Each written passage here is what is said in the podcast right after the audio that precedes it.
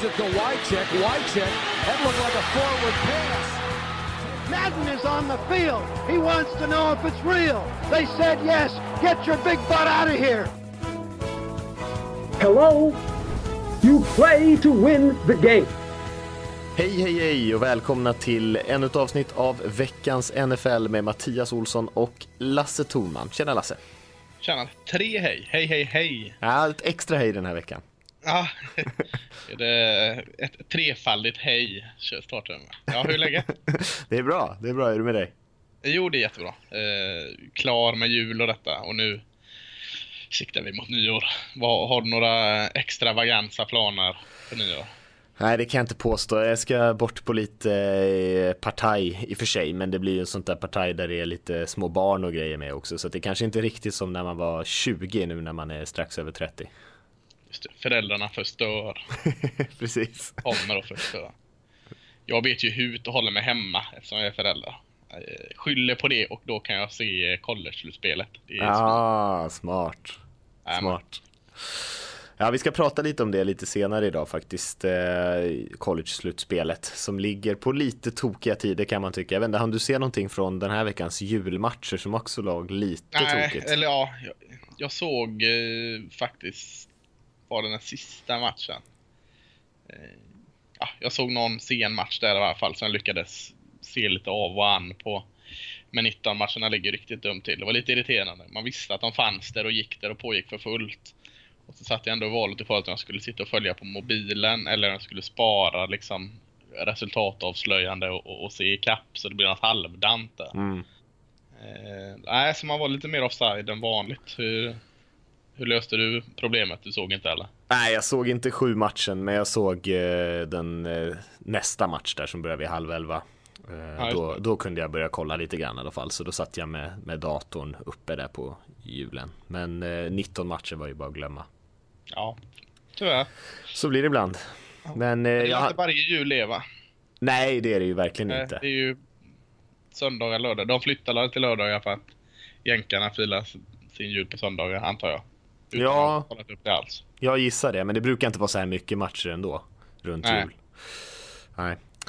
Nej, men vi ska eh, som sagt gå in lite på vad som hände i de matcherna eh, och sen så ska vi snacka lite nyheter som vanligt. Vi ska köra en ny sån där Vem där? Eh, och sen ska vi också prata lite som sagt om hur det står till här nu med bara en vecka kvar. Nästan alla slutspelsplatser är ju klara, men det är fortfarande två stycken som inte eh, är eh, tagna av något lag.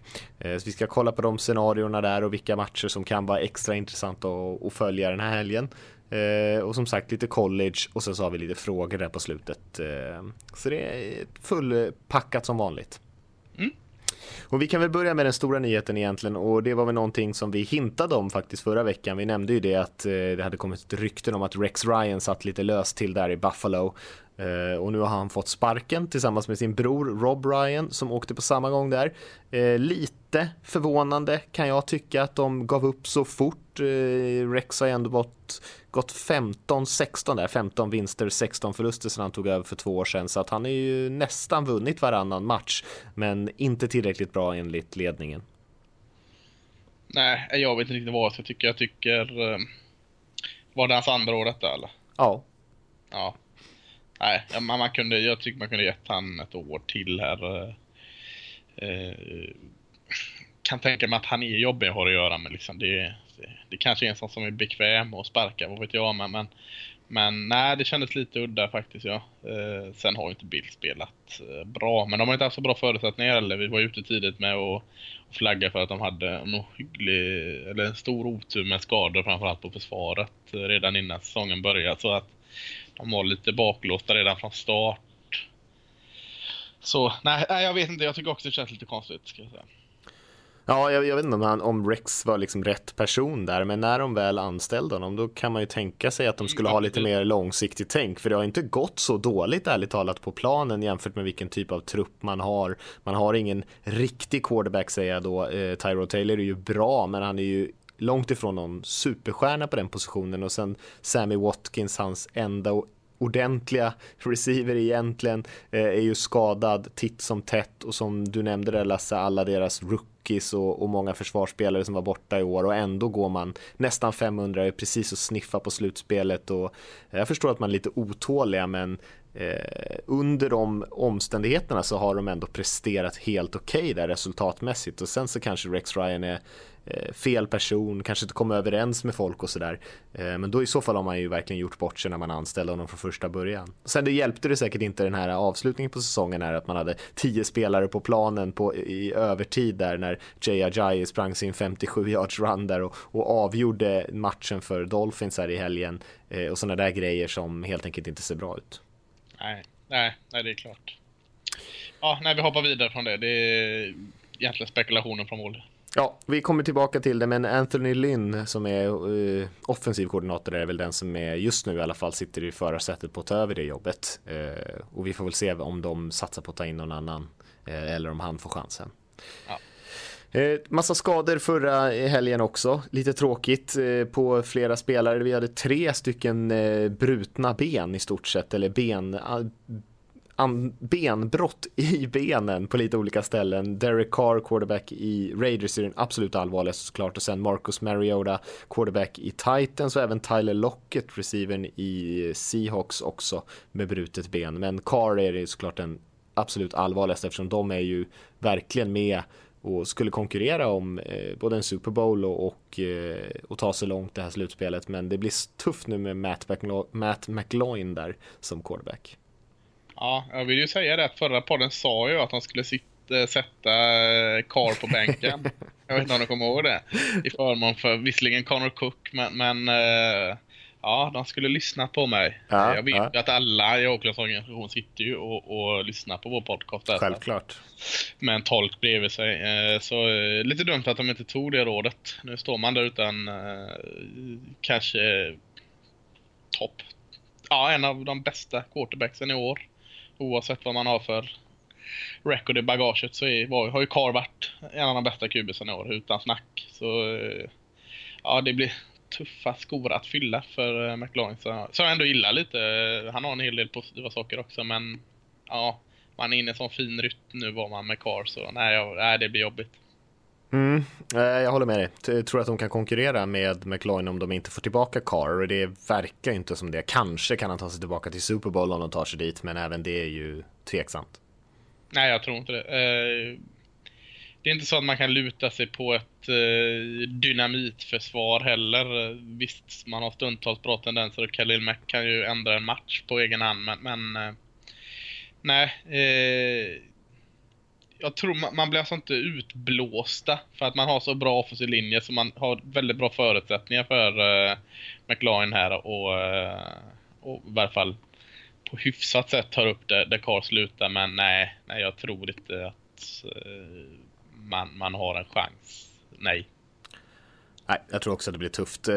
Man kan ju notera det att det var ju Donald Penns enda säk han har tillåtit i år. Så kom den här skadan på Derek Carr ja. tacken där. Vi hade ju annan, lite annan dramatik runt om i NFL-världen. Eh, Terry Bradshaw, den gamla eh, quarterbacken i Steelers med fyra Super Bowl-ringar tror jag han har till och med. Eh, kallade ju Mike Tomlin, eh, coachen i Steelers, för en cheerleader-coach. Och antar att han menar någonting, Lasse, med att han eh, inte är så delaktig utan mest står och hejar på de andra coacherna och spelarna. Ja, något sånt tolkar jag det. Mm.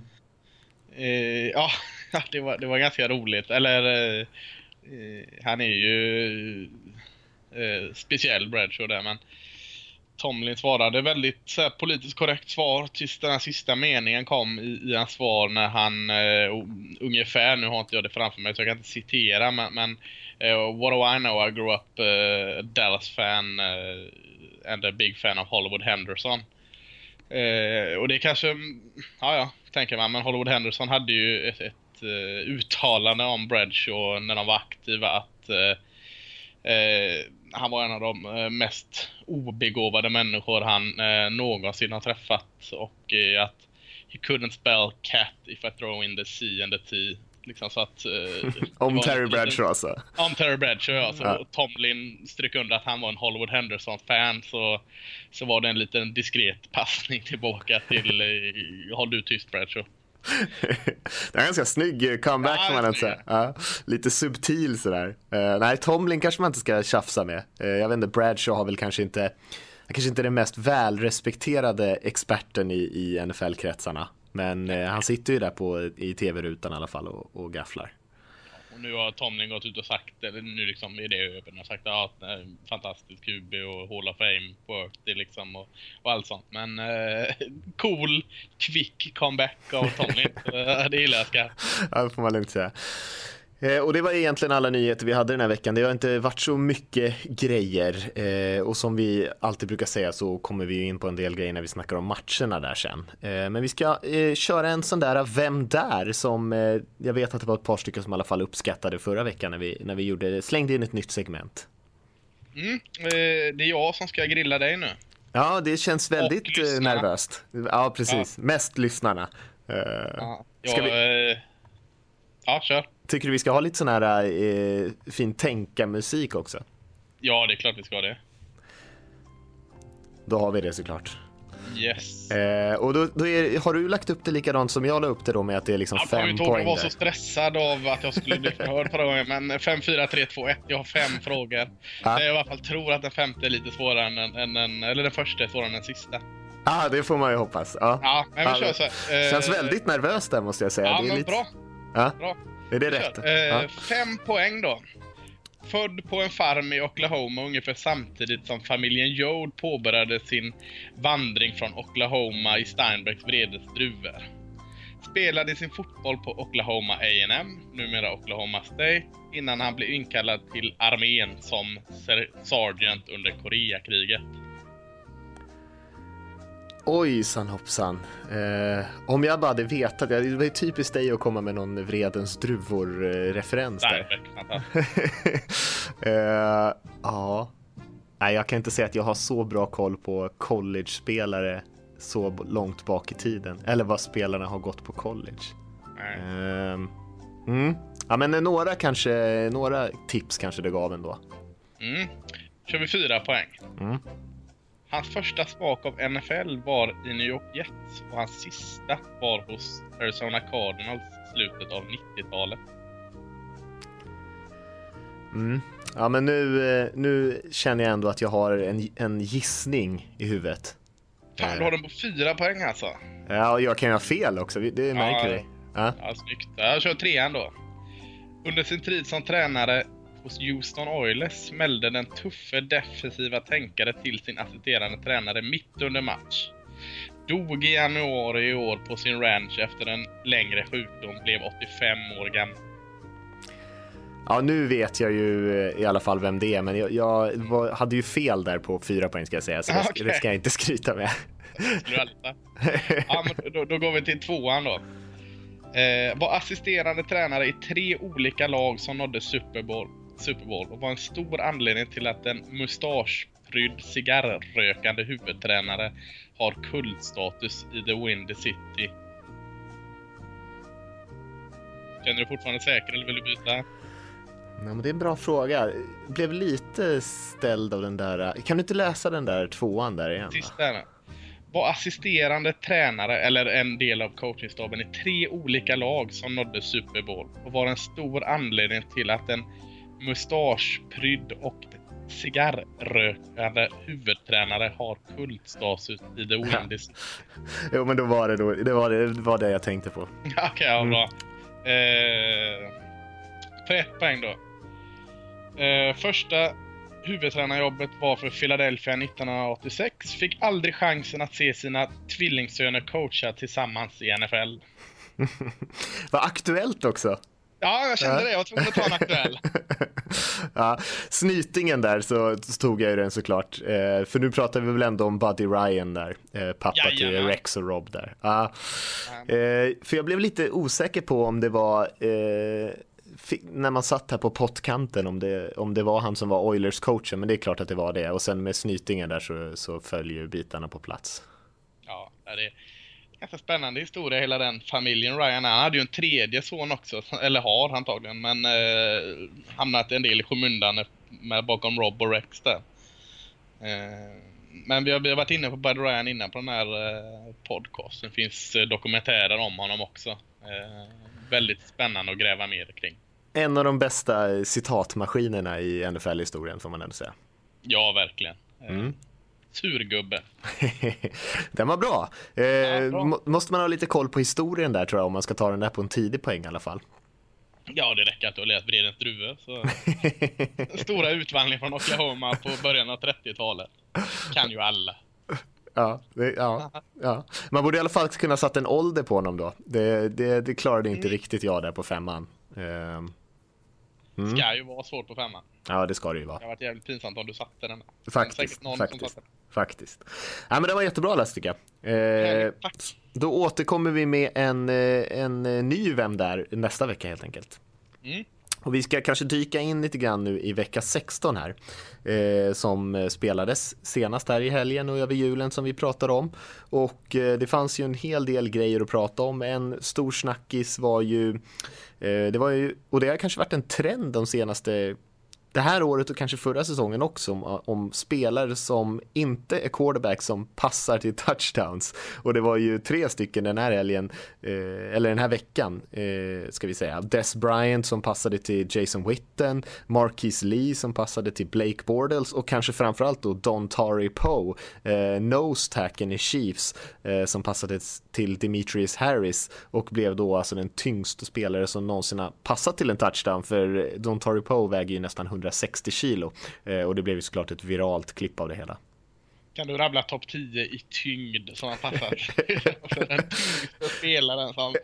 som ah, nej, det var grymt. Eh, T-bow-hopp gjorde han också där Mm. och passade in eh, över nästan lite för långt. Det var tur att det var en ståtlig tight end som fångade på andra sidan. Uh, bloated T-bow pass som eh, Andy Reid kallade det. Jaha, hur fasen för det. Det var sjukt fräckt att se. Förbannad bara att eh, det hände samma vecka som Des Bryant gjorde sin första eh, TD-pass. Liksom, all uppmärksamhet låg fortfarande kvar på Don Terry Poe där. Mm. Eh, nej, klart äh, det var jättekul. Eh, kul att se sånt. Det, det är sånt man ser lite oftare i, i college kanske. De här lite eh, flickers och, och allt sån här eh, trick plays. Så det, ja, det, var, det var skoj att se, absolut. Den andra grejen som eh, man kanske måste nämna och kanske vi skulle ha nämnt ännu tidigare var att Cleveland Browns vann sin första match eh, den här säsongen faktiskt och kommer ju slippa den här 0-16 eh, grejen som är ganska jobbig och som många av spelarna och tränarna säkert hade fått bära med sig hela sin karriär annars. Men de vann faktiskt mot Chargers där. Eh, och då trodde man ju att de kanske slarvade bort första valet i draften, vilket hade varit typiskt Browns att göra något sånt. Men 49ers vann ju faktiskt också sin match eh, mot Rams, så eh, de behöll ju också första valet Browns. Ja, eh, nej, det var skönt för Browns, eh, absolut. Eh, det betyder mer, mer än eh, bara en siffra det där. För man, man kan tänka sig, ja, ja vad spelar det för någon roll om de går 0-16 eller 1-15? Spelar en jäkla roll. Alltså det är fortfarande ältandet om det här jäkla Detroit som gick 0-16. Alltså det hänger ju med dem som du säger långt bak och självförtroendet är ju alltså cementerat på botten efter en 0-16 säsong. En 1-15 säsong är mycket bättre. Och då kanske man tänker sig att liksom, vad spelar det för roll om man går 0-16 eller 1-15? Men så, så ser man också klipp på när Joe Thomas som vi pratade om i förra avsnittet som har gått 9-10 raka Pro Bowls eller något sånt där står och gråter i, i omklädningsrummet av glädje för att de vann den här matchen. Eh, vilket ändå säger hur mycket det faktiskt betydde för dem att vinna den här matchen. Betydligt mer än för något annat lag säkert som har, i någon match den här säsongen. Eh, så mycket betydde det för Browns spelare och tränare att de fick vinna den här matchen. Eh, och det är ju ändå rätt kul att se att, det, att de bryr sig så mycket. Och sen om det Ja. kanske är just eh, pin, det pinsamma i det hela som de är glada över att de slipper, det, det spelar kanske inte så stor roll eh, liksom varför. Men att det är så mycket känslor ändå är ju rätt häftigt. Mm, absolut. Eh, något annat du tänkte på Lasse? Ja, Titans tog inte vara på chansen. Eh, Jacksonville, som inte har så många fler segrar än Cleveland.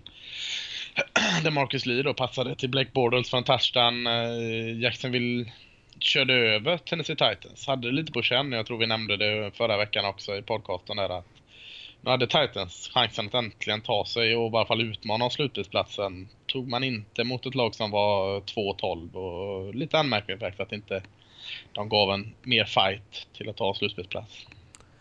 Verkligen, och eh, det var inte de enda som blev utklassade trots att de hade chans på slutspel. Vissa har ju det fortfarande, som Lions till exempel som blev ganska utklassade av cowboys i slutändan, även fast det var jämnt i, i efter eh, första halvan. Och även Broncos som blev utklassade av Chiefs när de också jagade eh, slutspel. Eh, mm. Så det, det var ju några lag där som föll ihop när, när de behövde spela riktigt bra. Ja, den matchen vi hade hoppats på mest var väl också den som levererade bäst eh, Baltimore Ravens Pittsburgh Steelers. Jäkla bra match. Vilken match alltså. Ja, Fantastisk match. Grymt kul. Mm. Eh, grymt kul var det. För övrigt, den var det jag såg, det var på julafton väl? Eller kanske mm. inte var? Nej, det var det inte. Det var natt... Eh, var det nattmatchen eller var det Monday Night Football? Hmm. Nej, Monday Night var ju uh, Just det. Cowboys. Nej, jag vet inte fan med de här röda dagarna. Det var inte julaftonsnatten i alla fall. Nej, glöm det. det var Buccaneer Saints eller någon sån skit jag såg där. Men, men uh, ja, sjukt bra match. Uh, verkligen med, med man brukar säga match med två ansikten, känns som den här matchen hade fem ansikten eller något sådant. böljade fram och tillbaka. Ja, grymt bättre än så är svårt att hitta. Nej, och eh, kul att se både Antonio Brown leverera med den här när han sträcker ut armen med liksom mm. nio, så det var en sån där grej där jag liksom satt med flickvännen, satt bredvid och liksom gjorde någonting helt annat. Jag bara skrek på henne, bara titta, titta, titta på tv, hon brydde sig inte ett skit. Men det är liksom en sån typ av grej liksom, att det han sträcker ut bollen över mållinjen och når han inte så förlorar de säkert matchen. Eh, och, når han, så, och så nådde han såklart precis över och de vinner. Och eh, Levion Bell i den här matchen som är, ja, han är bara en sån otrolig spelare, Levion Bell. Eh, och vilken, vilka duktiga unga running backs vi ser i NFL just nu är ju eh, kul efter att ha varit lite torka där och man liksom litade till de här veteranerna för att eh, se explosiva running backs. Men med, med David Johnson och, och Levion Bell här och vi ser Jay Ajayi i Dolphins och ja, det är många spelare, och Ezekiel Elliott inte minst minst såklart. Eh, så många unga running backs som, som levererar nu. Men eh, gammal är äldst, Frank Gore. En säsong till med över 1200 yards. Ja. Det är fantastiskt alltså att han håller den. Eh, det är ju kortare levnadstid på running back.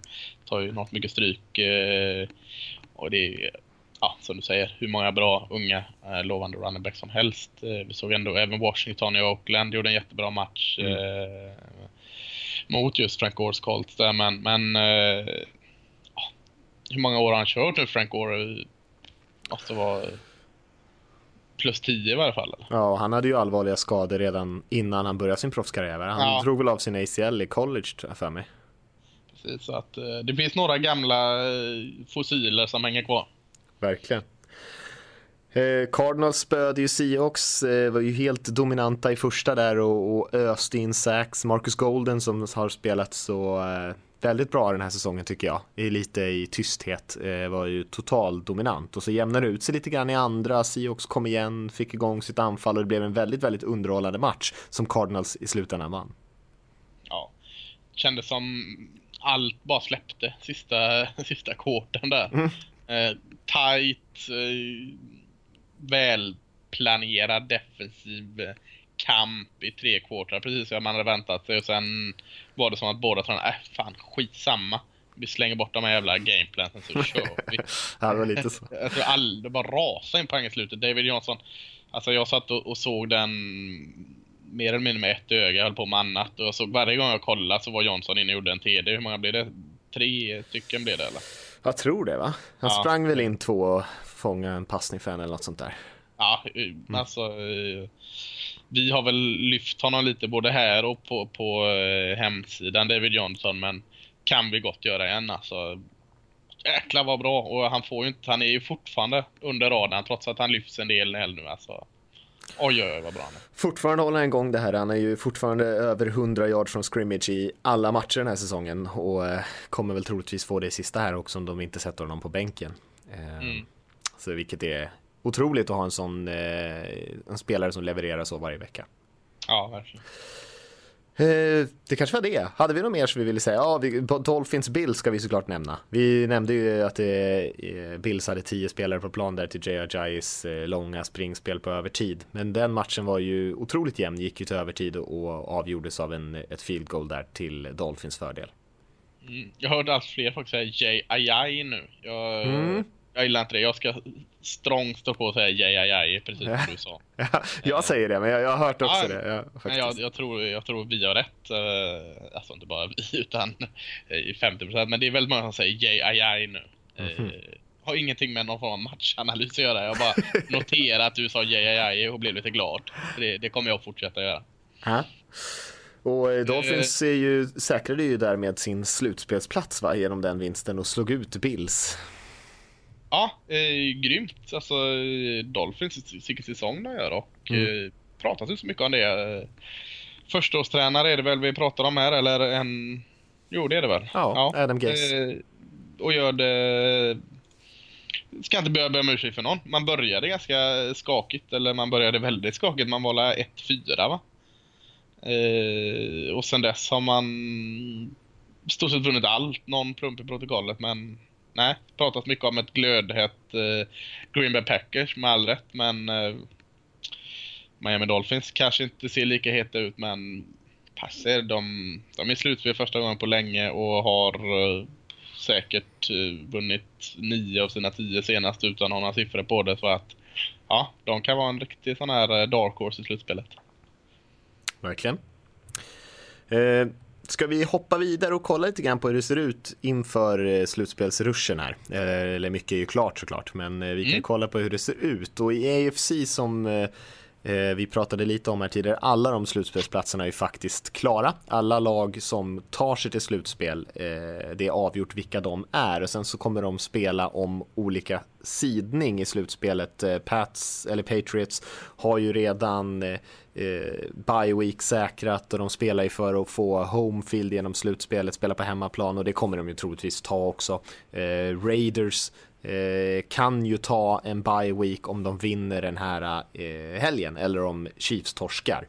Eh, men annars är det ju relativt klart med de olika positionerna även i sidningen där. Kan ju säga bara för sakens skull vilka som är i slutspel? Du har från AFC East så gick New England Patriots och Miami Dolphins vidare. Från AFC North, Pittsburgh Steelers. AFC South, Houston Texans och AFC West har du då Oakland och eh, Oakland Raiders och Kansas City Chiefs. Mm. Och i NFC är det lite mer eh, spännande. Där är det fyra lag som är klara. Det är Cowboys, Falcons, Seahawks, Giants. Så de pratade vi för mig att de var klara redan förra veckan. Eh, och där har vi ju Dallas som är redan säkrat eh, nummer, nummer ett sidan, sidan där och har både bye week och, och får spela på hemmaplan i slutspelet. Falcons är det väl som sitter i förarsätet för att ta den andra sidan där om de vinner den här veckan. Eh, förlorar de så är det Seattle som är näst på tur om de lyckas vinna sin match. Eh, men det mest spännande är ju såklart de här två platserna som är kvar som står egentligen ska man väl säga mellan Lions, Packers och Redskins med Tampa Bay som är lite av en dark horse där. De kan också ta den platsen men framförallt de tre lagen är ju som konkurrerar. Mm. Ja, stämmer. Och det är egentligen Detroit och Green Bay, de möts ju Eh, Eh, så vinnaren där går egentligen vidare och Redskins om de vinner sin match. Eh, men om det blir kryss i North-derbyt där mellan eh, Detroit och Green Bay så går båda de lagen vidare, vilket är lite intressant. Och om tor Skins torskar så går de också båda vidare. Tampa Bay däremot, som vi nämnde där, har chans att gå vidare om de vinner sin match. Redskins kryssar, Packers torskar och Titans, Colts, Cowboys och 49ers vinner sina matcher. Så det är ganska mycket som måste hända där för Bucks. Stjärnorna ska stå rätt i himlen. det kan man lugnt säga. Men de, de måste ju gå ut för att vinna i alla fall. Sen får de bara sitta med tipskupongen i omklädningsrummet och kolla.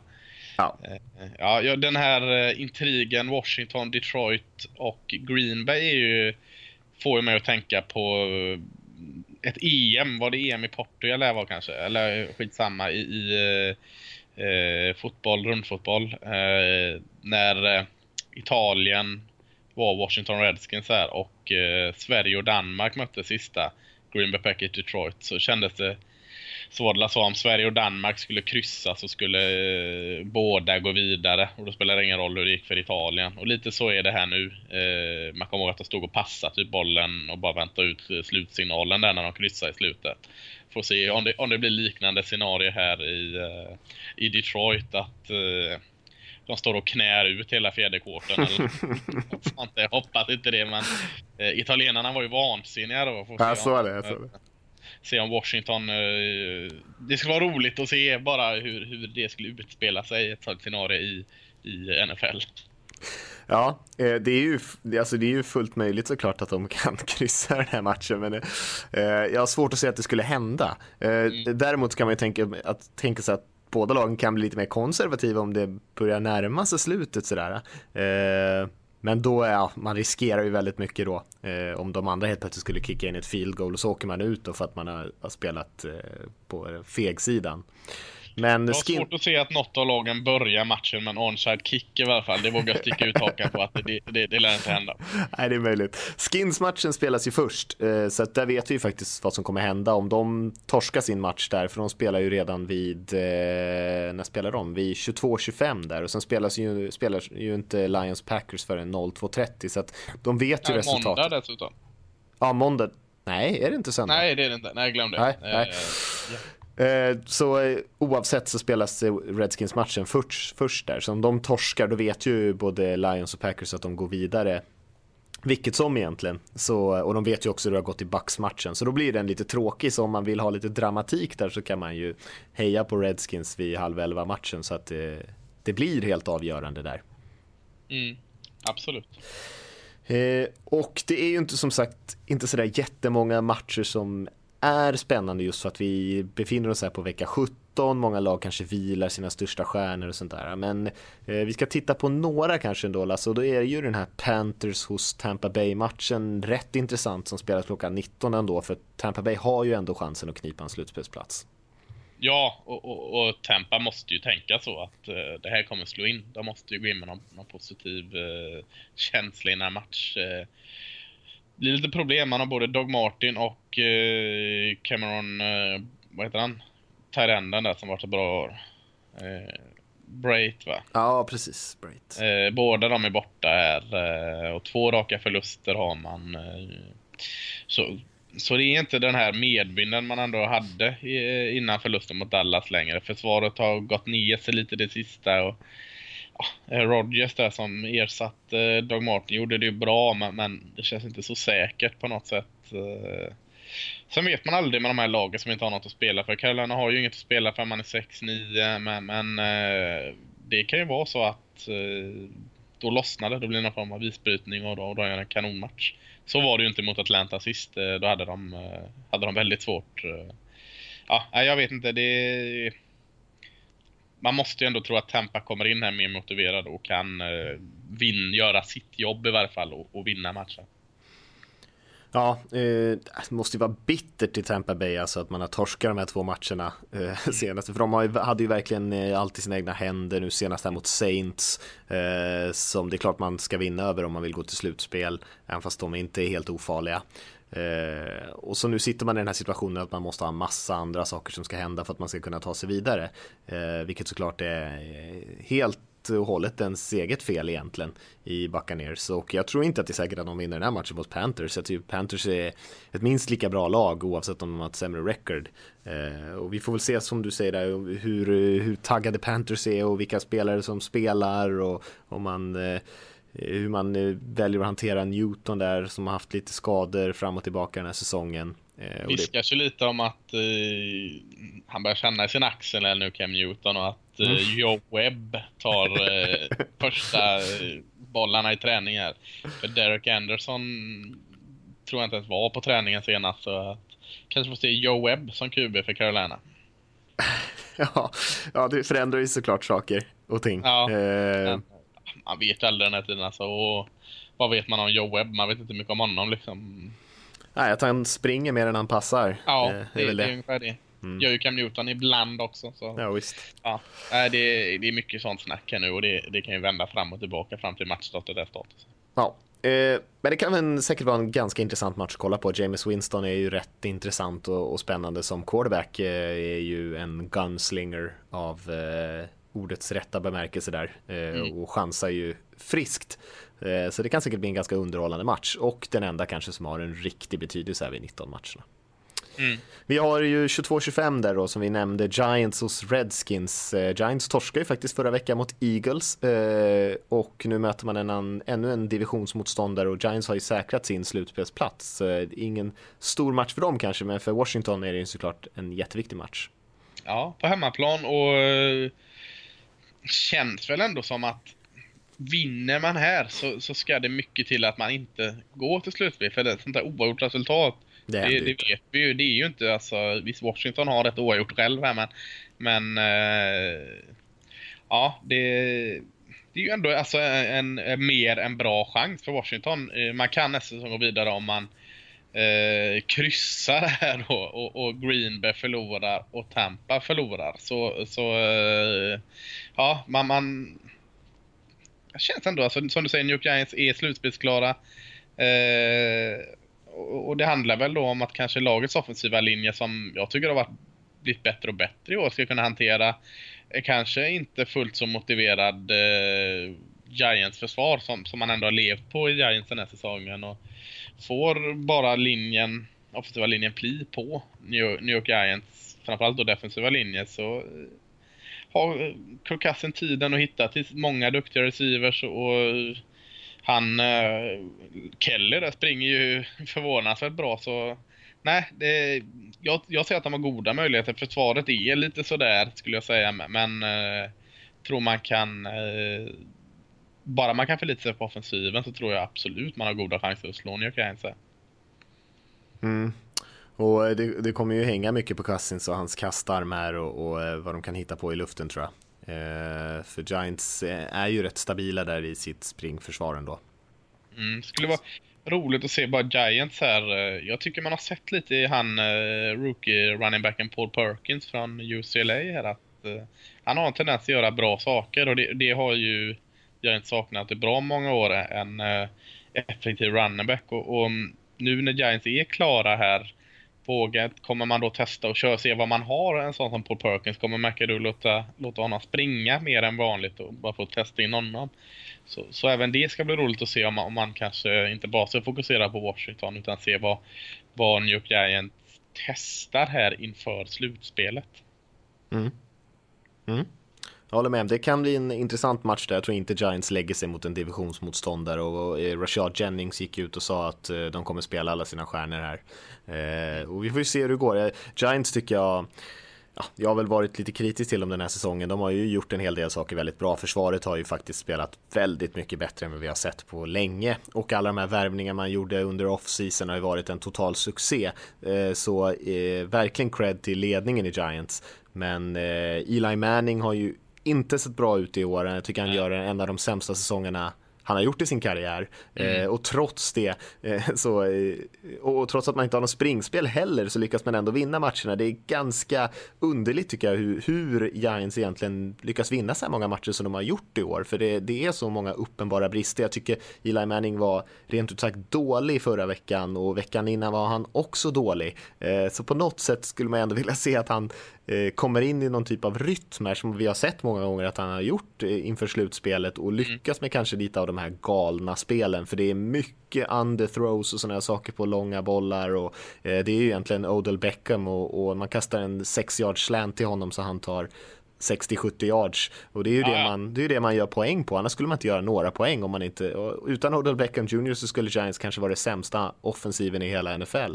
Eh, så att det, eh, det hänger så mycket på, på Beckham och man skulle ju vilja att om Giants ska ha någon chans det här slutspelet att, att Manning verkligen kommer in i lite rytmer och börjar spela bättre. För han har inte spelat tillräckligt bra. Det var någon som sa det ett bra försvar och en kass Manning funkade ju bra förra året för ett annat lag. jag såg den tweeten, det var ganska roligt. Det var många arga Giants-fans som svarade, men det, eh, jag, tyckte det var ganska, jag tyckte det var lite kul faktiskt. Det stämmer ja. ju för att eh, Mannings eh, Arms börjar ju allt mer likna sin, sin äldre brors. Kanske inte riktigt lika illa som de där ankorna han kastade sitt sista år, men eh, han börjar ju se lite halvt begränsad ut och jag vet inte om han har någon skada som ligger och, och gnager, men eh, det ser inte superbra ut, det gör det inte. Nej. Eh, vi har en annan match där 22-25 som kanske inte är jätteintressant men Raiders spelar ju hos Broncos eh, för att säkra den här eh, nummer två-sidan. Och eh, det är ju två storlag och Raiders och Matt McLoin får ju ett riktigt testa när han kommer in och ska möta Broncos försvar och det kan ju vara rätt intressant match ändå även fast den egentligen inte avgör någonting i slutspelsammanhangen förutom sidningen då. Nej, eh, det är en rolig match att se. Se vad, alltså Visst, de, de har ju spelat för att få bye week och vinna sin division och allt det, men eh, för oss som, som kanske inte har eh, en häst i racet så ska det bli roligt att se vad, vad det är för Oakland Raiders som vi får se som kommer in i slutspelet och hur står sig Matt McGloin eh, tillsammans med den här fina offensiva linjen och, och, ett, och, och alla de vapnen man har i offensiven. Så nej, det är absolut roligt. En, en spännande match. Mm. Och vi behöver inte säga så mycket mer om den egentligen. Vi, sen så har vi som sagt den här 0-2-30 matchen Lions hos Packers. Eh, där Lions såg ut som det bättre laget under eh, stora delar av säsongen här men att Packers har ju verkligen vaknat till här de senaste veckorna och ser ju nästan livsfarliga ut nu och nu spelar man dessutom på Lambo i den här matchen och jag håller nog Green Bay som ganska stora favoriter mot det här Lions-laget. Jag vet inte vad du gör Lasse? Ja, ja absolut. Eh, för mig bör de segla upp som en favorit att spela Super Bowl nu. Mm. Eh, de är i sån vansinnigt bra form just nu. Eh, jag kan inte tänka mig att något, något lag känner att ja men fan vad roligt. Vi, vi, vi tar oss an Green Bay Packers första, första rundan i slutspelet. Ja men det här, här är bra. Jag tror nog många är ganska, inte rädda är man ju inte men, men kanske lite oroliga för, för det de ser i Green Bay Packers nu. För en, Aaron Rodgers är ju den här zonen där han är sådär jäkla bra som, som man glömde bort när han var i sin svacka tidigare år. Och då, då, då glömmer man snabbt hur bra Aaron Rodgers är när han är bra. Eh, känns som allt kommer då. Receiverna tappar helt plötsligt inte lika många bollar. De springer sina routes lite bättre. Springspelet må, må inte hända vara någon, någon succé i, i Green Bay, men, men de har någonting som kan, man kan kalla ett springspel i varje fall. Och eh, Försvaret ska inte heller höja till skyarna, men, men mer än okej. Okay. Kanske lite tveksamt sist. Eh, men, men, nu är bitarna på plats där helt plötsligt hos Green Bay och också lite nervös för det att nu ska de bara eh, avsluta den här säsongen med att vinna mot Detroit. Sen jäklar ska de göra stordåd i slutspelet bara nu inte folk bara tar för lätt på den här matchen mot Detroit hemma i Lambo. liksom i Green Bay. Ska vi bara ta denna, sen gnuggar vi händerna så ska vi ställa till det i slutspelet, det vill vi lova. Och så kommer Detroit där eh, förbannade så in i helsike för att de inte kunde säkra det här mot Dallas som inte hade något att spela för och köra över eh, Green Bay. Tror inte det, jag har väldigt svårt att tro det, men, men eh, sitter där i bakhuvudet någonstans att Green Bay redan nu har börjat tänka på slutspelet och Detroit kämpar för sitt liv för att komma till slutspelet. Eh, ett sånt lag är farligt.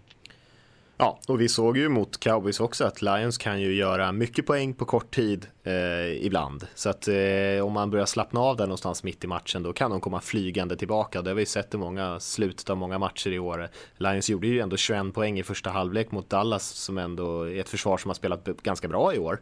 Eh, eller har spelat bra. Så att eh, Lions är väldigt upp och ner, eh, levererar inte alltid, eh, bli, blir en del misstag, eh, inte minst från Stafford. Men Stafford kan också spela otroligt bra i perioder eh, om det stämmer för honom. Så Packers kan absolut inte gå in i den här matchen och underskatta sin motståndare för då blir det svettigt. Men jag tror inte att de gör det heller på hemmaplan där de brukar vara starka.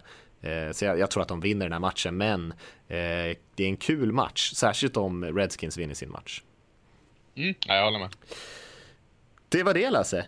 Eh, yes. Vi ska snacka lite collegefotboll tycker jag och då ska vi ju spela våran lilla signaturmelodi här också såklart.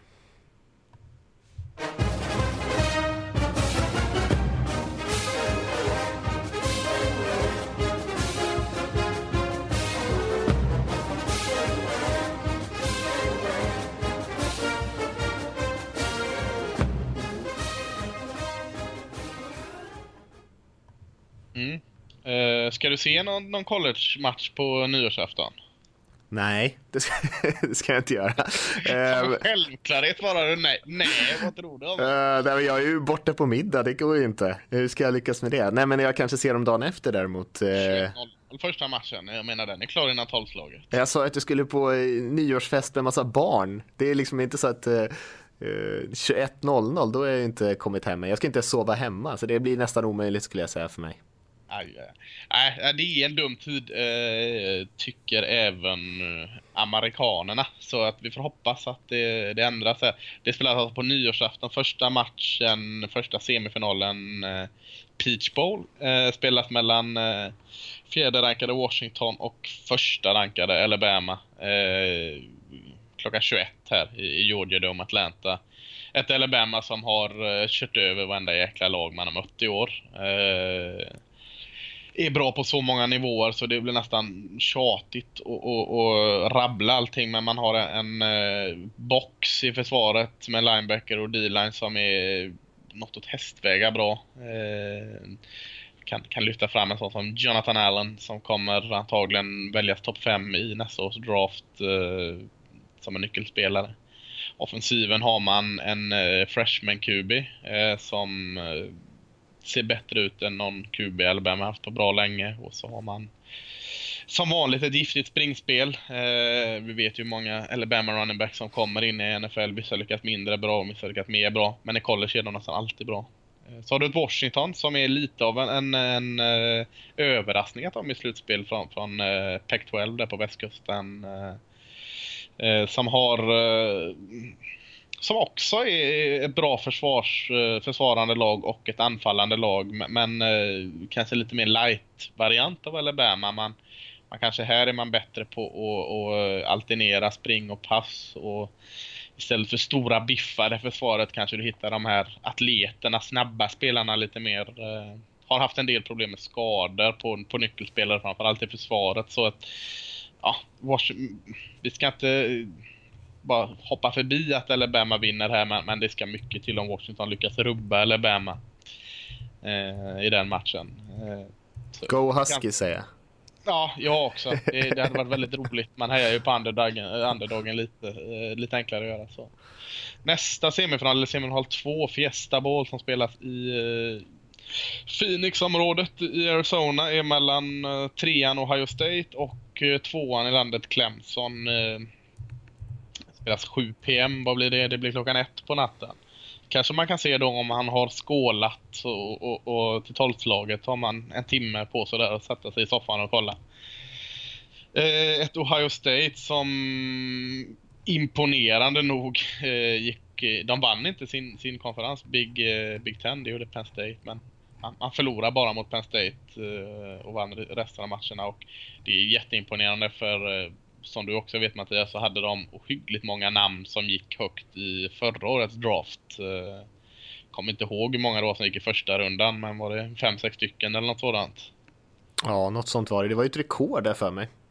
Jag tror de hade tio spelare eller mer än så som gick eh, topp 100. Så att de blev av med så ohyggligt mycket talang och så bara laddar de om och, och ställer upp ytterligare ett slagkraftigt lag här på, på planen. Eh, man har en, en eh, QB i JT Barrett som kanske är en, en lite flaxig och, och, eh, inte mest pålitlig värld men han kan ta bollen och, och springa igenom och, och, lösa sakerna som mest behöver. Och så har man ett väldigt mångsidigt försvar som är, trots att man tappar så mycket försvarstalang, grymt bra framförallt bak i planen och med lillebror eh, Bosa, eh, Bosa där i defensiva linjen och, och många andra så är det också ett komplett lag som möter eh, Clemson som var i slutspel även förra året. Eh, har ett, eh, ett lag, era mer ett försvarslag som, som du kanske inte ska lyfta fram någon utan eh, du har laget i försvaret som gör allting för varandra. Offensiven har du ja, bra, bra rätt igenom men det är quarterbacken där, Deshaun Watson som många pratar om. Pratades nog mer om honom inför förra säsongen eller efter förra säsongen när eh, ja, han kommer draftas som nummer ett nästa år. Vem ska ta Deshaun Watson? Haft en liten eh, neråt-säsong här, inte riktigt levererat som man hade hoppats på. Såg vissa, han ska ju också gå eh, med all säkerhet eh, draftas nästa klass här. Och vissa lag pratar om att han, na, vi ser honom att ta, finns han kvar i fjärde rundan så tar vi honom. Mm. Från att vara en sån, ja, vilket lag ska ta Deshaun Watson med första picket till att, ja, vi kanske tar den i fjärde rundan om han är kvar. Så han, så han haft en, en lite neråt år i år, men ja, man vet ju vad han kan göra så att eh, Clemson ändå rankade över Ohio State, men jag har nog Ohio State som favorit där och då då blir det Ohio State eller Alabama i final. Och, och den spelas eh, 9 januari. Eh, lite bättre, ing, ingen helgdag där som man behöver fira. Nej. Ja, det är lite synd med tiderna där faktiskt, men jag kanske lyckas ducka resultaten på något sätt och se det om eh, dagen efter när man verkligen är på slö humör där eh, första dagen på nya året. Och, eh, ja, det är kolla. väl ingen snackis kring eh, när man står och fyller på champagneglasen. Ja, vad tyckte du om, om eh, vad, vad, tyckte du om Saben? Han stängde igen Washington. Det, det, det, tror jag inte många nyårsfester har den, eh, det snacket. Det tugget går nog inte. Nej, jag tror inte det. Eh, jag, jag har ju sagt någon gång att jag ska, jag håller ju inte på något lag i collegefotbollen, eh, ja, för att jag inte följer något lag tillräckligt nära för att göra det. Men skulle det vara något så skulle det egentligen vara Washington med den rimliga kopplingen till eh, Seahawks och allting där. Men det känns som att jag har missat det här guldåren här med Shelton och, och, Marcus Peters och de som de skickade ut i draften 2015 och sen nu att de går så här långt är ju lite av en förvåning ändå. Ja, nej, de har mycket, mycket härligt ungt eh, kvar där. Både QB och running back kommer vara kvar även nästa år. Så du, du, kan, du kan hoppa på tåget. Mm, ja, vad bra. Jag vill gärna hoppa på när det, när det precis börjar bli bra liksom. Ja, ja, det var väl så du gjorde med Sio. ja, precis. Ba bandwagon-grejen. ja, varför inte? Uh, nej, vi får se. Uh, men jag ska nog försöka se dem dagen efter i alla fall. Uh, kommer, ja, kommer du lyckas se dem live, tror du? du kommer du ja, det tror jag. Mm. jag får nog den här nio matchen kanske jag eh, får gå ifrån emellanåt. I alla fall sitta vid matbordet och kanske ha tvn vinklad eller något där. Men, men planen är att jag ska... Jag får, eh, får väl bjuda igen på något sätt för att jag, för att jag smiter iväg och ser detta på självaste nyårsafton. Men mm. en, en hotellövernattning eller något sånt här helgen efter brukar kunna vara plåster på såren för att man har varit ett rövhål på, på nyår. Nyår, det är ändå amatörernas afton där. Ja, men det är ju det jag är. Kan man, kan man smita iväg. eh, hörru, vi tar eh, lite frågor för att runda av. Mm. Eh, ja. Och som vi alltid säger, podcast at nflsupporter.se kan man mejla in frågor. Eller så skriver man på Twitter eller Facebook eller tracka Lasse eller någonting. Eh, så kommer de med. Eh, men det enklaste är att mejla in dem. Och vi har fått två frågor här. Den eh, första är från Martin som skriver Ni har varit väldigt negativa mot Miami hela året och varje gång de vunnit så har ni direkt avfärdat dem nästa match. Inte sanningen att de inte är särskilt bra, men heller inte dåliga. Ni brukar kunna ändra er under säsongen som till exempel Carolina som jag och ni trodde skulle vara bra även i år. Men min riktiga fråga är, förlorar inte Cleveland på att vinna en match? Skulle de gå 0-16 så, så hade säsongen varit något att minnas och då hade de fått en parad. Med vinsten blev det verkligen luften ur. Eller har jag fel med vänlig hälsning Martin Marino? Vadå, förra veckan var jag negativ mot Houston. Jag tycker jag har eh, liksom lyft Miami varje vecka. Har jag inte det? Ja, men du vet. Var... Alla är kränkta ja. nu för tiden. Ja, jag till och med Marino. Ja, jag har varit sjukt stöttande eh, Miami. Jag har till och med gett Tannehill lite cred. Så nej, nej, nej. Jag har varit eh, positiv till Miami. Kom inte att säga annat. Men vad, vad var frågan om, om Clevelands... Eh, om de skulle tjäna på att gå 0-16? Mm, eh, med paraden och allt där. Ja, paraden, den hade ju fan varit hemsk. Tänk att sitta på den paraden i en buss och vinka liksom. Folk kastar nålar på en liksom. Nej, nej men det, det jag förstår tänk, tanken där liksom att säkra upp att man väljer nummer ett i draften och detta. Men jag tror vi varit inne på det innan också, spelarna och, och, och tänker ju inte så att liksom, ja ah, fan, vi, vi förlorar matchen här nu så får vi välja en, en eh, spelare högt i draften här det är ju en direkt eh, konkurrerande spelare som kommer in här som kommer ta någon av deras jobb. Och även, även eh, att få behålla sina jobb efter en 0-16 säsong är ju betydligt svårare kan jag tänka mig efter en 1-15 eller en 2-14 säsong. Så att, så att, spelarna har nog inte alls det tänket. De vill vinna, de vill inte stå där med skämspåsen och säga att vi var delaktiga. Jag kommer ihåg den säsongen för, för 70 år sedan när de gick 0-16 och, och där han den spelaren där, han var med där. Så nej, nej det, det är bara gasen i botten som gäller. Eh, absolut. Mm. Vad säger vi om Dolphins då? Han säger det, är inte sanningen att de inte är särskilt bra men heller inte dåliga? Det är väl en ganska ärlig beskrivning, mm. tycker jag väl, är det inte så? Ja, jag de är väl... Lyfta fram bra. JII har ju varit fenomenalt bra. Offensiva linjen från vad de var för ett år sedan. Också eh, riktigt bra. Eh, Cameron Wake som vanligt. Cameron Wake är kanon. Han har varit en av de bästa eh, DN'en i ligan skulle jag vilja säga. Och jag tycker även Sue har kommit igång i slutet. Eh, nej, så att... Eh, kan nog ligga något i vad han säger. Alltså att det är ett, ett, eh, ett lag som gör lite mer saker bra än vad de gör dåligt just nu. Skulle jag väl säga. Man, man har mer plus än minus när man summerar. Ja, nej men jag håller med. De eh, är väl där på gränsen till ett slutspelslag till ett kanske av de lite sämre slutspelslagen. Jag tror inte att de har en chans att utmana Patriots och de här kanske riktigt stora tuffa lagen. Eh, men däremot så är man väl absolut värda en slutspelsplats lika mycket som någon annan av de här lagen som ligger i det gränslandet. Eh, och det blir väl kanske att man inte pratar om de lagen riktigt lika mycket som man pratar om de riktiga utmanarna. Eh, och det är kanske det han är inne på är lite grann att vi inte har gett dem så mycket cred som de kanske förtjänar. Eh, men så blir det ju ofta. Det är ju många lag och, och man fastnar ofta på extremerna. Och därför pratar vi lite grann om Browns också. Och jag kan bara hålla med dig där att det är klart att spelarna vill ju inte gå 0-16 och ser man ju inte minst då på det Thomas, Joe Thomas-exemplet eh, som vi pratade om att han gråter liksom. Han har spelat hur många säsonger som helst, är en av NFLs bästa spelare. Eh, men det betydde så mycket för honom att han grät liksom. Och då, det säger ju ganska mycket att de har inte någon som helst intresse av att gå 0-16.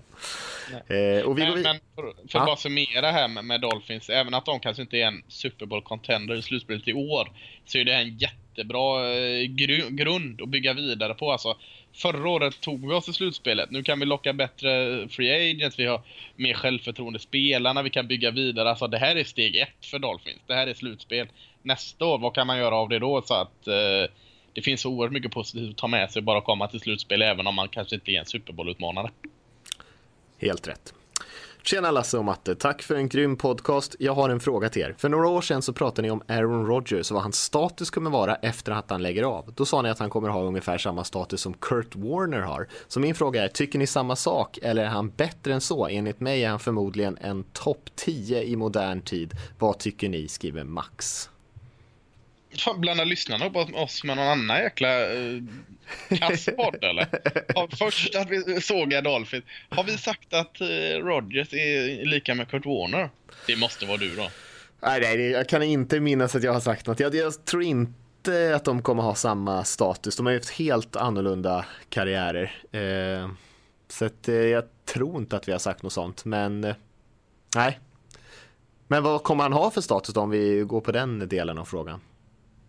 Eh, högsta status. Kan jag svara så eller? Ja, det kan du ja, göra. Nej, det ja. tror jag. Alltså det är ju en av de bästa quarterbacksen som har spelat i NFL.